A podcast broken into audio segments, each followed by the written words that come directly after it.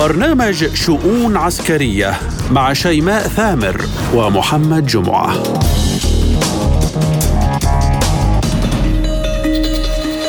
ملفات وشؤون عسكرية جديدة من وكالة سبوتنيك الإخبارية بموسكو. نتناوب على تقديمها لكم أنا شيماء ثامر. وأنا محمد جمعة ونستهلها بالعناوين. الدفاع الروسية تعلن عن تدريب ألف من العسكريين الطاجيكيين بعام 2023 روسيا ترفض مناقشة تقرير منظمة حظر الأسلحة الكيميائية حول سوريا في مجلس الأمن الدولي.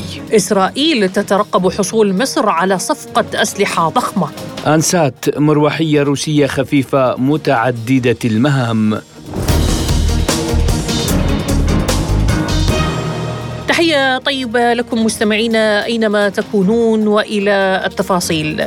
أعلن المكتب الصحفي للمنطقة العسكرية المركزية الروسية أن المدربين العسكريين الروس في القاعدة العسكرية 201 المتمركزة في طاجيكستان سيدربون ألف متخصص للقوات المسلحة للجمهورية بعام 2023 سيجري ذلك في وقت واحد في نطاق ليارو وسامبولي وفي 14 تخصصا عسكريا. ووفقا للجيش سيتم التدريب على التعامل مع دبابات تي 72 وقاذفات الصواريخ المتعددة من طراز جراد بي إم 21 ومدافع ذاتية الدفع من طراز غفوزديكا وناقلات الجنود المدرعة. بي تي آر 80 وسيقوم المدربون العسكريون أيضا بتدريب الكشافة والرمي بالقنابل اليدوية والجنود المحترفين الآخرين. يشار إلى أن القاعدة العسكرية 201 هي أكبر منشأة عسكرية روسية في الخارج. وتتمركز القاعدة في مدينتي دوشامبي وبختار الطاجيكيتين. ولديها وحدات للمشاة والدبابات والمدفعية والاستطلاع والدفاع عن المساعدات. الاتصالات والاتصالات. للحديث أكثر عن هذه الخطوة المهمة نستقبل معنا من دمشق الباحث بالعلاقات الدولية الدكتور بشير بدور. أهلا بكم دكتور معنا بشؤون عسكرية. ودعني أبدأ معكم يعني من دلالات دخول المقاتلين الطاجيك إلى ميادين القتال. يعني دكتور بشير هل بدأت روسيا بحشد حلفائها؟ اولا يعني اليوم هناك معادلة جديدة في على الساحة الدوليه هذه المعادلة صنعتها الدولة الروسية في سبيل يعني دعني أقول إحقاق الحق و العمل وفق المنظومة الدولية وفق القانون الدولي وفق ال يعني النظم القانونية واحترام القانون الدولي. من بين هذه النظم هو انتفاضة المحور الأوراسي بقياده الدولة الروسية حول ما يجري من انتهاكات للقانون الدولي حول ما يجري من غطرسة الإدارة الأمريكية ودعمها للاتحاد الأوروبي أو حتى للخاصره الروسية ما يسمى بأوكرانيا اليوم ووجود الكثير من المعامل أو المصانع البيولوجية، لذلك كان هناك رد على هذه الممارسات الأمريكية من قبل المحور الاوراسي، عندما نقول أن طاجكستان أو غيرها من هذا المحور اليوم يعني ينتمي يعني دفاعا ينتمي تلقائيا بفعل الانتماء عن وحدة هذه البلاد وجغرافيتها فهو يدلل على أن هذا المحور اليوم قد ربما نقول آن الأوان لأن يكون في موقف أو في خندق واحد ضد هذه الغطرسة الأمريكية. اليوم عندما نسمع أن هناك تجنيد أو هناك يعني الكثير من من هم ينتمون أو يحاولون الالتحاق بالجيش الروسي الانتماء إلى الدولة الروسية من كامل محاور أو عناصر المحور الأوراسي كما ذكرت إنما يعني يمين يعني دعني أقول هو حالة من الشعور في الانتماء إلى هذه الجغرافيا والتصدي للموقف موقف الإدارة الأمريكية في خرقها للقانون الدولي. هذا لا يعني لا يعطينا الحق بأن نقول أن اليوم الدولة الروسية تريد أن تحتل أوكرانيا أو تريد أن تضم مناطق جغرافية. لا اطلاقا. هذا أمر مخالف للاعتقاد أو الانتماء الذي تتبناه الدولة الروسية. إنما السبيل إلى وقف ولجم من يحاول العبث في جغرافية الدولة الروسية أو المحور الاوراسي بشكل عام. دكتور بشير يعني مع هذا التضامن الأوروبي غير المسبوق مع أوكرانيا، هل سيكون هناك رد فعل مماثل من قبل منظمة معاهدة الأمن الجماعي برأيك؟ نعم يعني هنا يعني أنا يعني لا أعتقد أن المحور الغربي الأوروبي هنا نتحدث عن هذه التبعية الغرب اليوم الغرب الأوروبي اليوم وكنا سابقا نستعظم هذه الدول إذا كنا أمام ألمانيا وفرنسا وغيرها. اليوم مع بدء العمليات العسكرية في روسيا كما ذكرت وليس القصد منها إلا الدفاع عن جغرافية الدولة الدولة الروسية وكرامة الدولة الروسية. نلحظ ملاحظات هامة جدا على السبيل الاقتصادي الهشاشة الاقتصادية لهذه الدول. هذا اولا.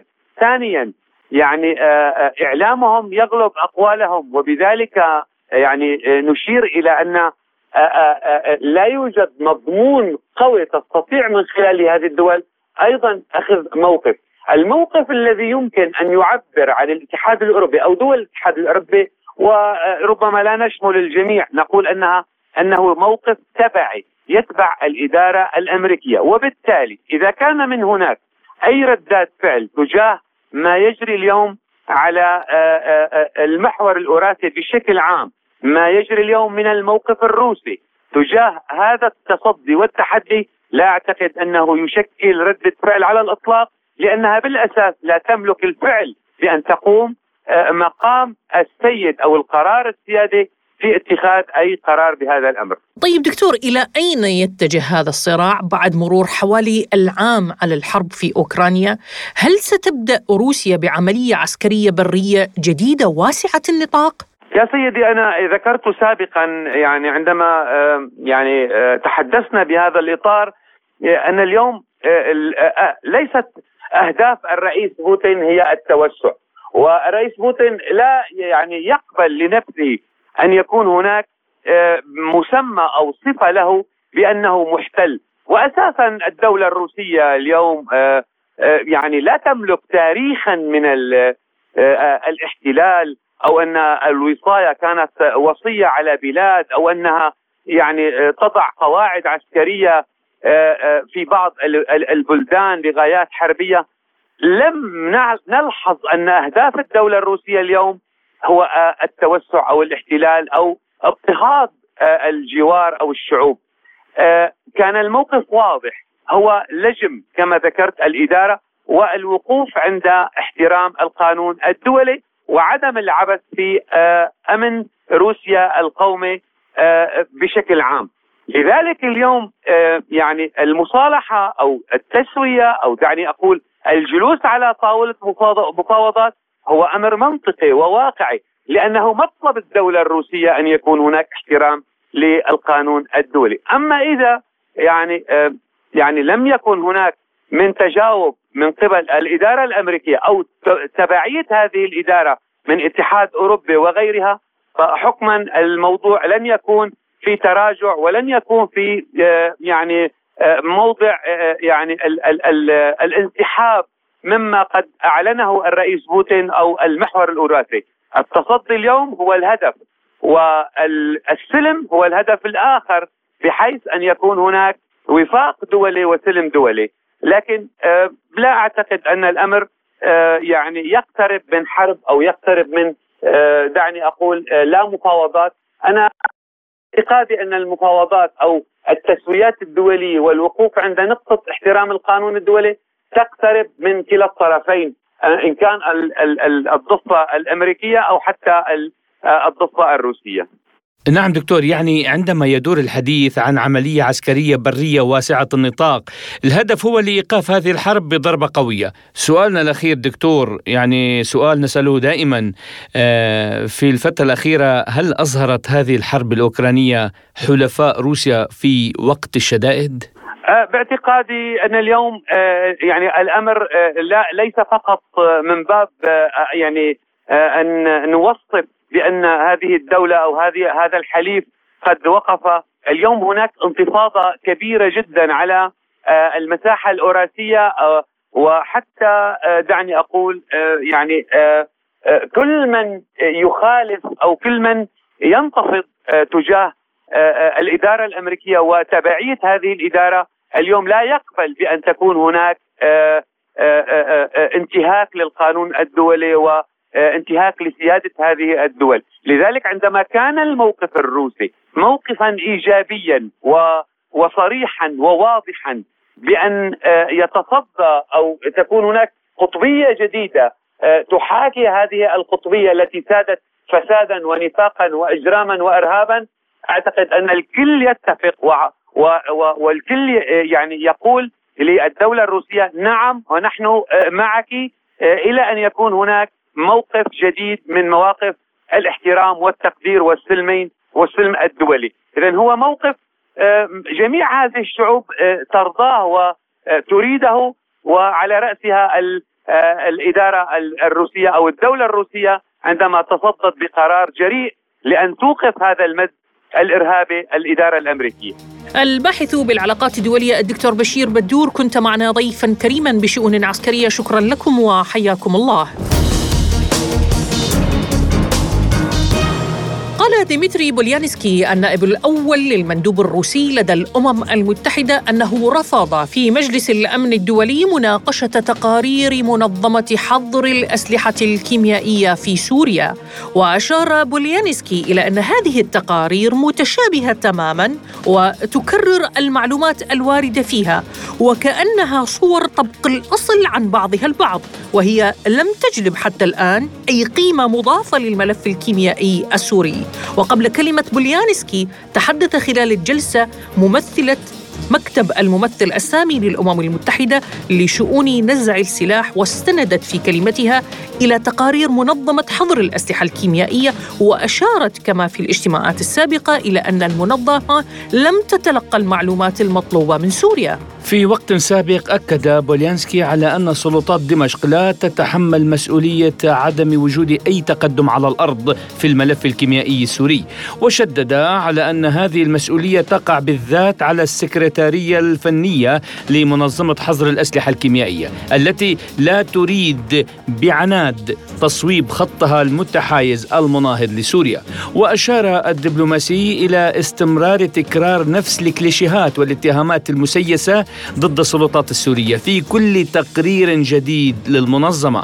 في السياق نفسه أكد مندوب سوريا الدائم لدى الأمم المتحدة السفير بسام صباغ أن بلاده دمرت جميع مخزوناتها من الأسلحة الكيميائية ومرافق إنتاجها في عام 2014 وحرصت على التعاون الكامل مع منظمة الحظر والالتزام بتطبيق الاتفاقية. للحديث حول هذا الموضوع نستضيف معنا من دمشق اللواء يحيى سليمان أهلا بكم سيادة اللواء ودعني أبدأ معكم بسؤالي بما يجري الآن من مناقشة في مجلس الأمن الدولي لتقارير منظمة حظر الأسلحة الكيميائية حول سوريا، طيب لماذا الآن يا سيادة اللواء تثار هذه المسألة من جديد مع العلم أنها لم تجلب حتى الآن أي قيمة مضافة للملف الكيميائي السوري؟ في الحقيقة انت تعرف ميزان القوى العالمي الآن غير مستقر. ولذلك يقومون بتحريك هذه المسألة أو تلك. كما تفضلت بأنها ليس لها أي آه، أثر في الحركات السياسية وفي الحياة السياسية. إنما تقوم الولايات المتحدة الأمريكية بمعاداة آه، روسيا الاتحادية وتقوم بخلق ذرائع من هنا وهناك لا قيمة لها أبدا. تحدثت خلال الجلسة ممثلة مكتب الممثل السامي للأمم المتحدة لشؤون نزع السلاح وأشارت إلى أن المنظمة لم تتلقى المعلومات المطلوبة من سوريا. يعني لماذا لم يوجه هذا السؤال للسكرتارية الفنية لمنظمة حظر الأسلحة الكيميائية؟ أنا أولا هذه المنظمة ليس لها قرار حر ولا تستطيع أن تقول إلا ما يقوله الأمريكان ويوجههم الأمريكان لاختلاق تقارير أو ذرائع في هذا المسألة. هذا الموضوع موقع يعني هذه المنظمات غير مستقل ولا يمكن أن تقول الحق ما دامت مسيطرة وتعيش تحت السيطرة والخيم الأمريكي. طيب سيادة اللواء يقول الخبراء أنها اتهامات مسيسة ضد الحكومة السورية في كل تقارير جديدة للمنظمة. إذا ماذا تريد واشنطن الآن من سوريا؟ يعني روسيا آه، حليف لسوريا. وفي هذا الموقف الحالي تزداد هجمة الولايات المتحدة على آه، سوريا وروسيا بآن واحد. لذلك آه، سبب واضح هو تحريك وتهديد هذه الدولة أو تلك لكي تقف إلى صفها أو تخاف منها يعني خلينا نقول في البلد يطالبون في مجلس الأمن من دمشق الاستجابة على وجه السرعة لجميع طلبات الأمان الفنية لمنظمة حظر الأسلحة الكيميائية. يعني ما هو المطلوب الآن بالتحديد؟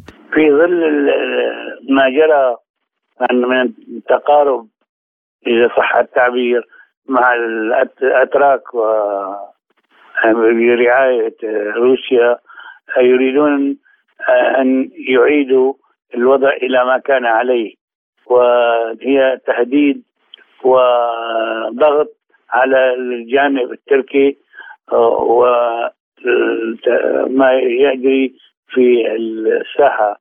آه، شمال سوريا تدل على أن هناك آه، الميزان الجراج ميزان القوى والوضع يحتاج إلى ضغط وخلق ذرائع من هنا أو هناك لكي يفرملوا هذا الاتجاه آه، ما استطاعوا إليه سبيلا.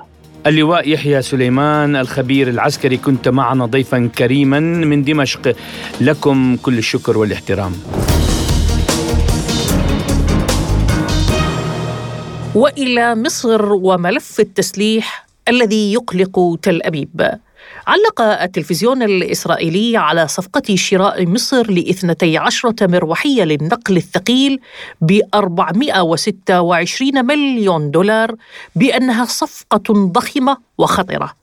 وأشارت القناة العاشرة بالتلفزيون الإسرائيلي إلى أنه سيتم تجهيز القوات الجوية المصرية بإثنتي عشرة طائرة عمودية للنقل الثقيل من طراز شينوك ومن طراز أف لافتا إلى أن هذا النموذج نفسه مرشح ليحل محل طائرات الهليكوبتر الهجومية لسلاح الجو الإسرائيلي وسيهبط في النهاية عبر الحدود. طبعا كان قد كشف مسؤول كبير بالشركة المصنعة في إعلان إعلان رسمي عن الصفقة إنه سيسمح لمصر بتجديد أسطول النقل ونقل البضائع بسهولة.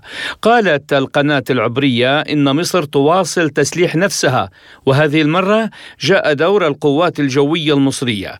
أكدت شركة بوينغ رسميا هذا الأسبوع تجهيز مصر باثنتي عشر مروحية نقل ثقيل من طراز شينوك المتقدم من قبلهم بصفقة تقدر ب 460 26 مليون دولار من أموال المساعدات الأمريكية لمصر.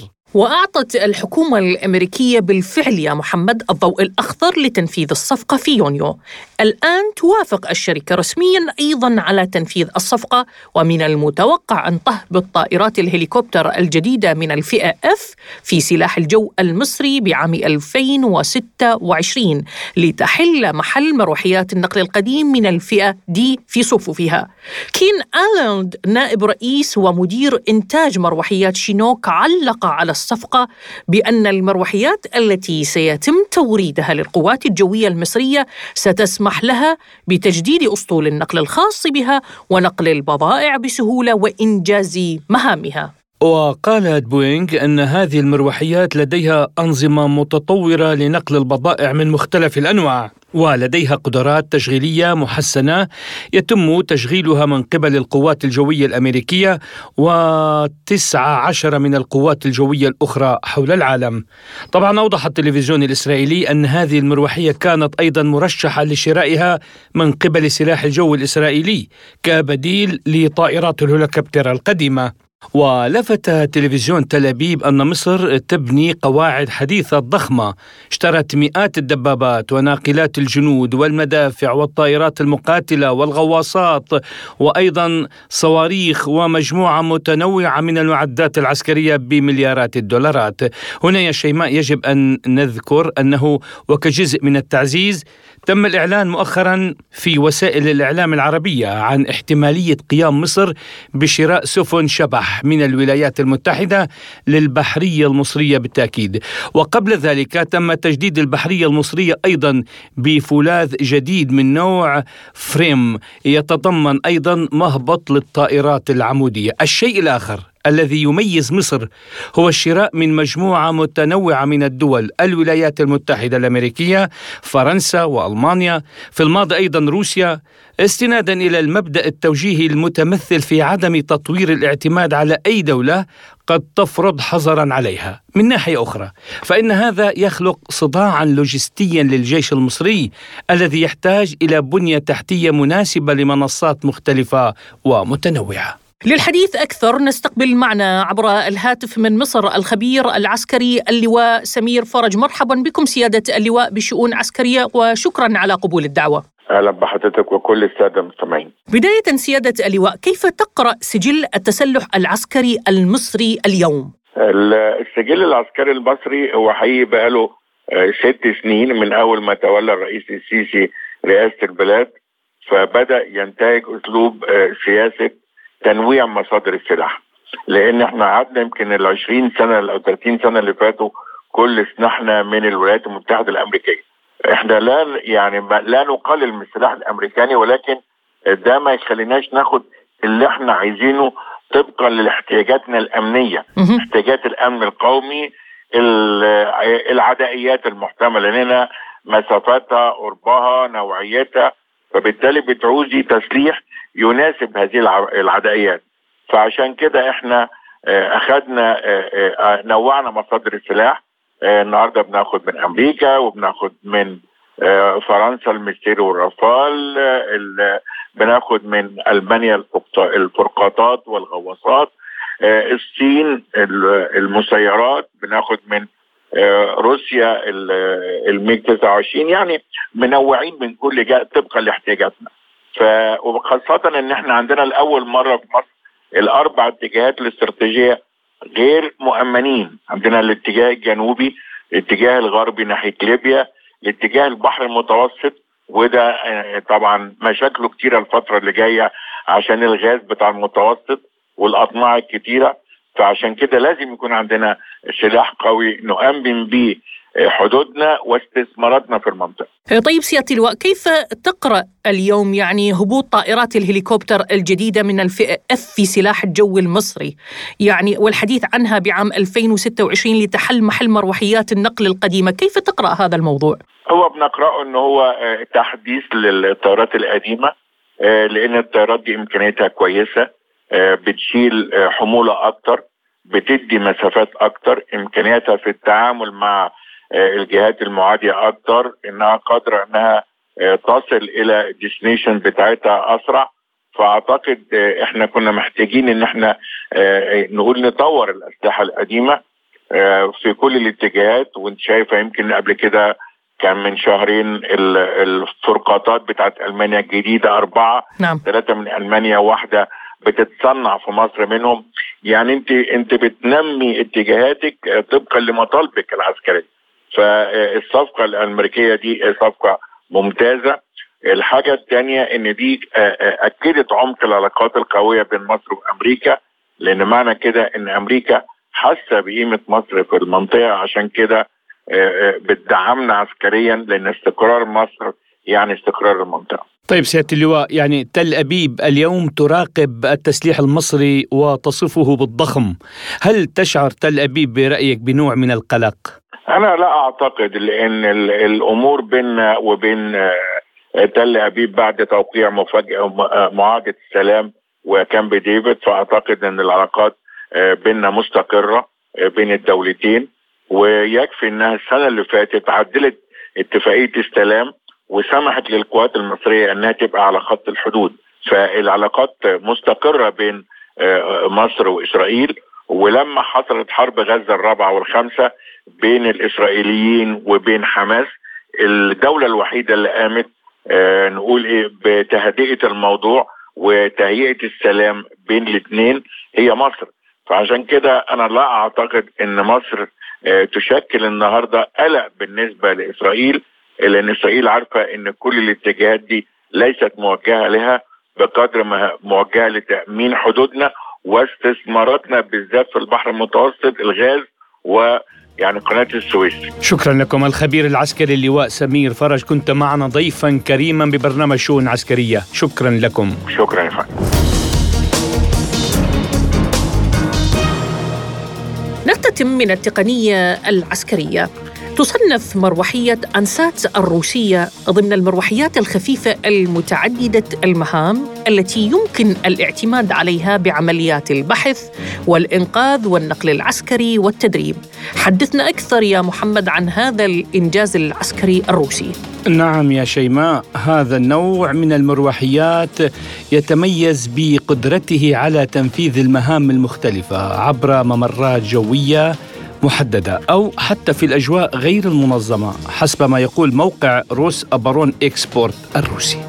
طيب ما هي مواصفات هذه المروحية؟ قدراتها التقنية يا محمد هل لديها هناك مواصفات تميزها عن غيرها من المروحيات؟ نعم يا شيماء لكل آلة عسكرية مواصفاتها الخاصة يعني هذه المروحية الروسية يمكنها أن تنقل عشرة أفراد بحد أقصى ويمكنها نقل حمولة داخلية تتجاوز طنا واحدا إضافة إلى حمولة خارجية يمكنها أن تصل إلى 1.3 طن يعني 1300 كيلوغرام ويصل يصل الحجم الداخلي لمقصورة الشحن في مروحية أنسات إلى 8.7 متر مكعب. طبعا تم تزويد المروحية هذه مروحية أنسات بتجهيزات فنية خاصة تمكنها من أداء مهام التدريب إضافة إلى مهامها الأخرى.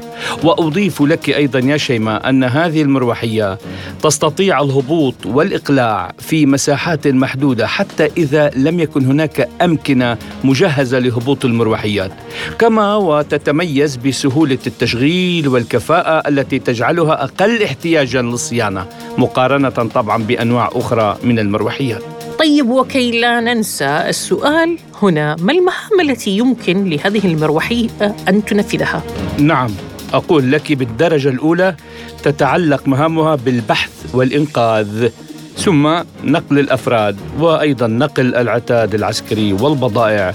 ولا ينسى أيضا مهمة هامة جدا هي الإخلاء الطبي. تقوم أيضا بهذه المهمة.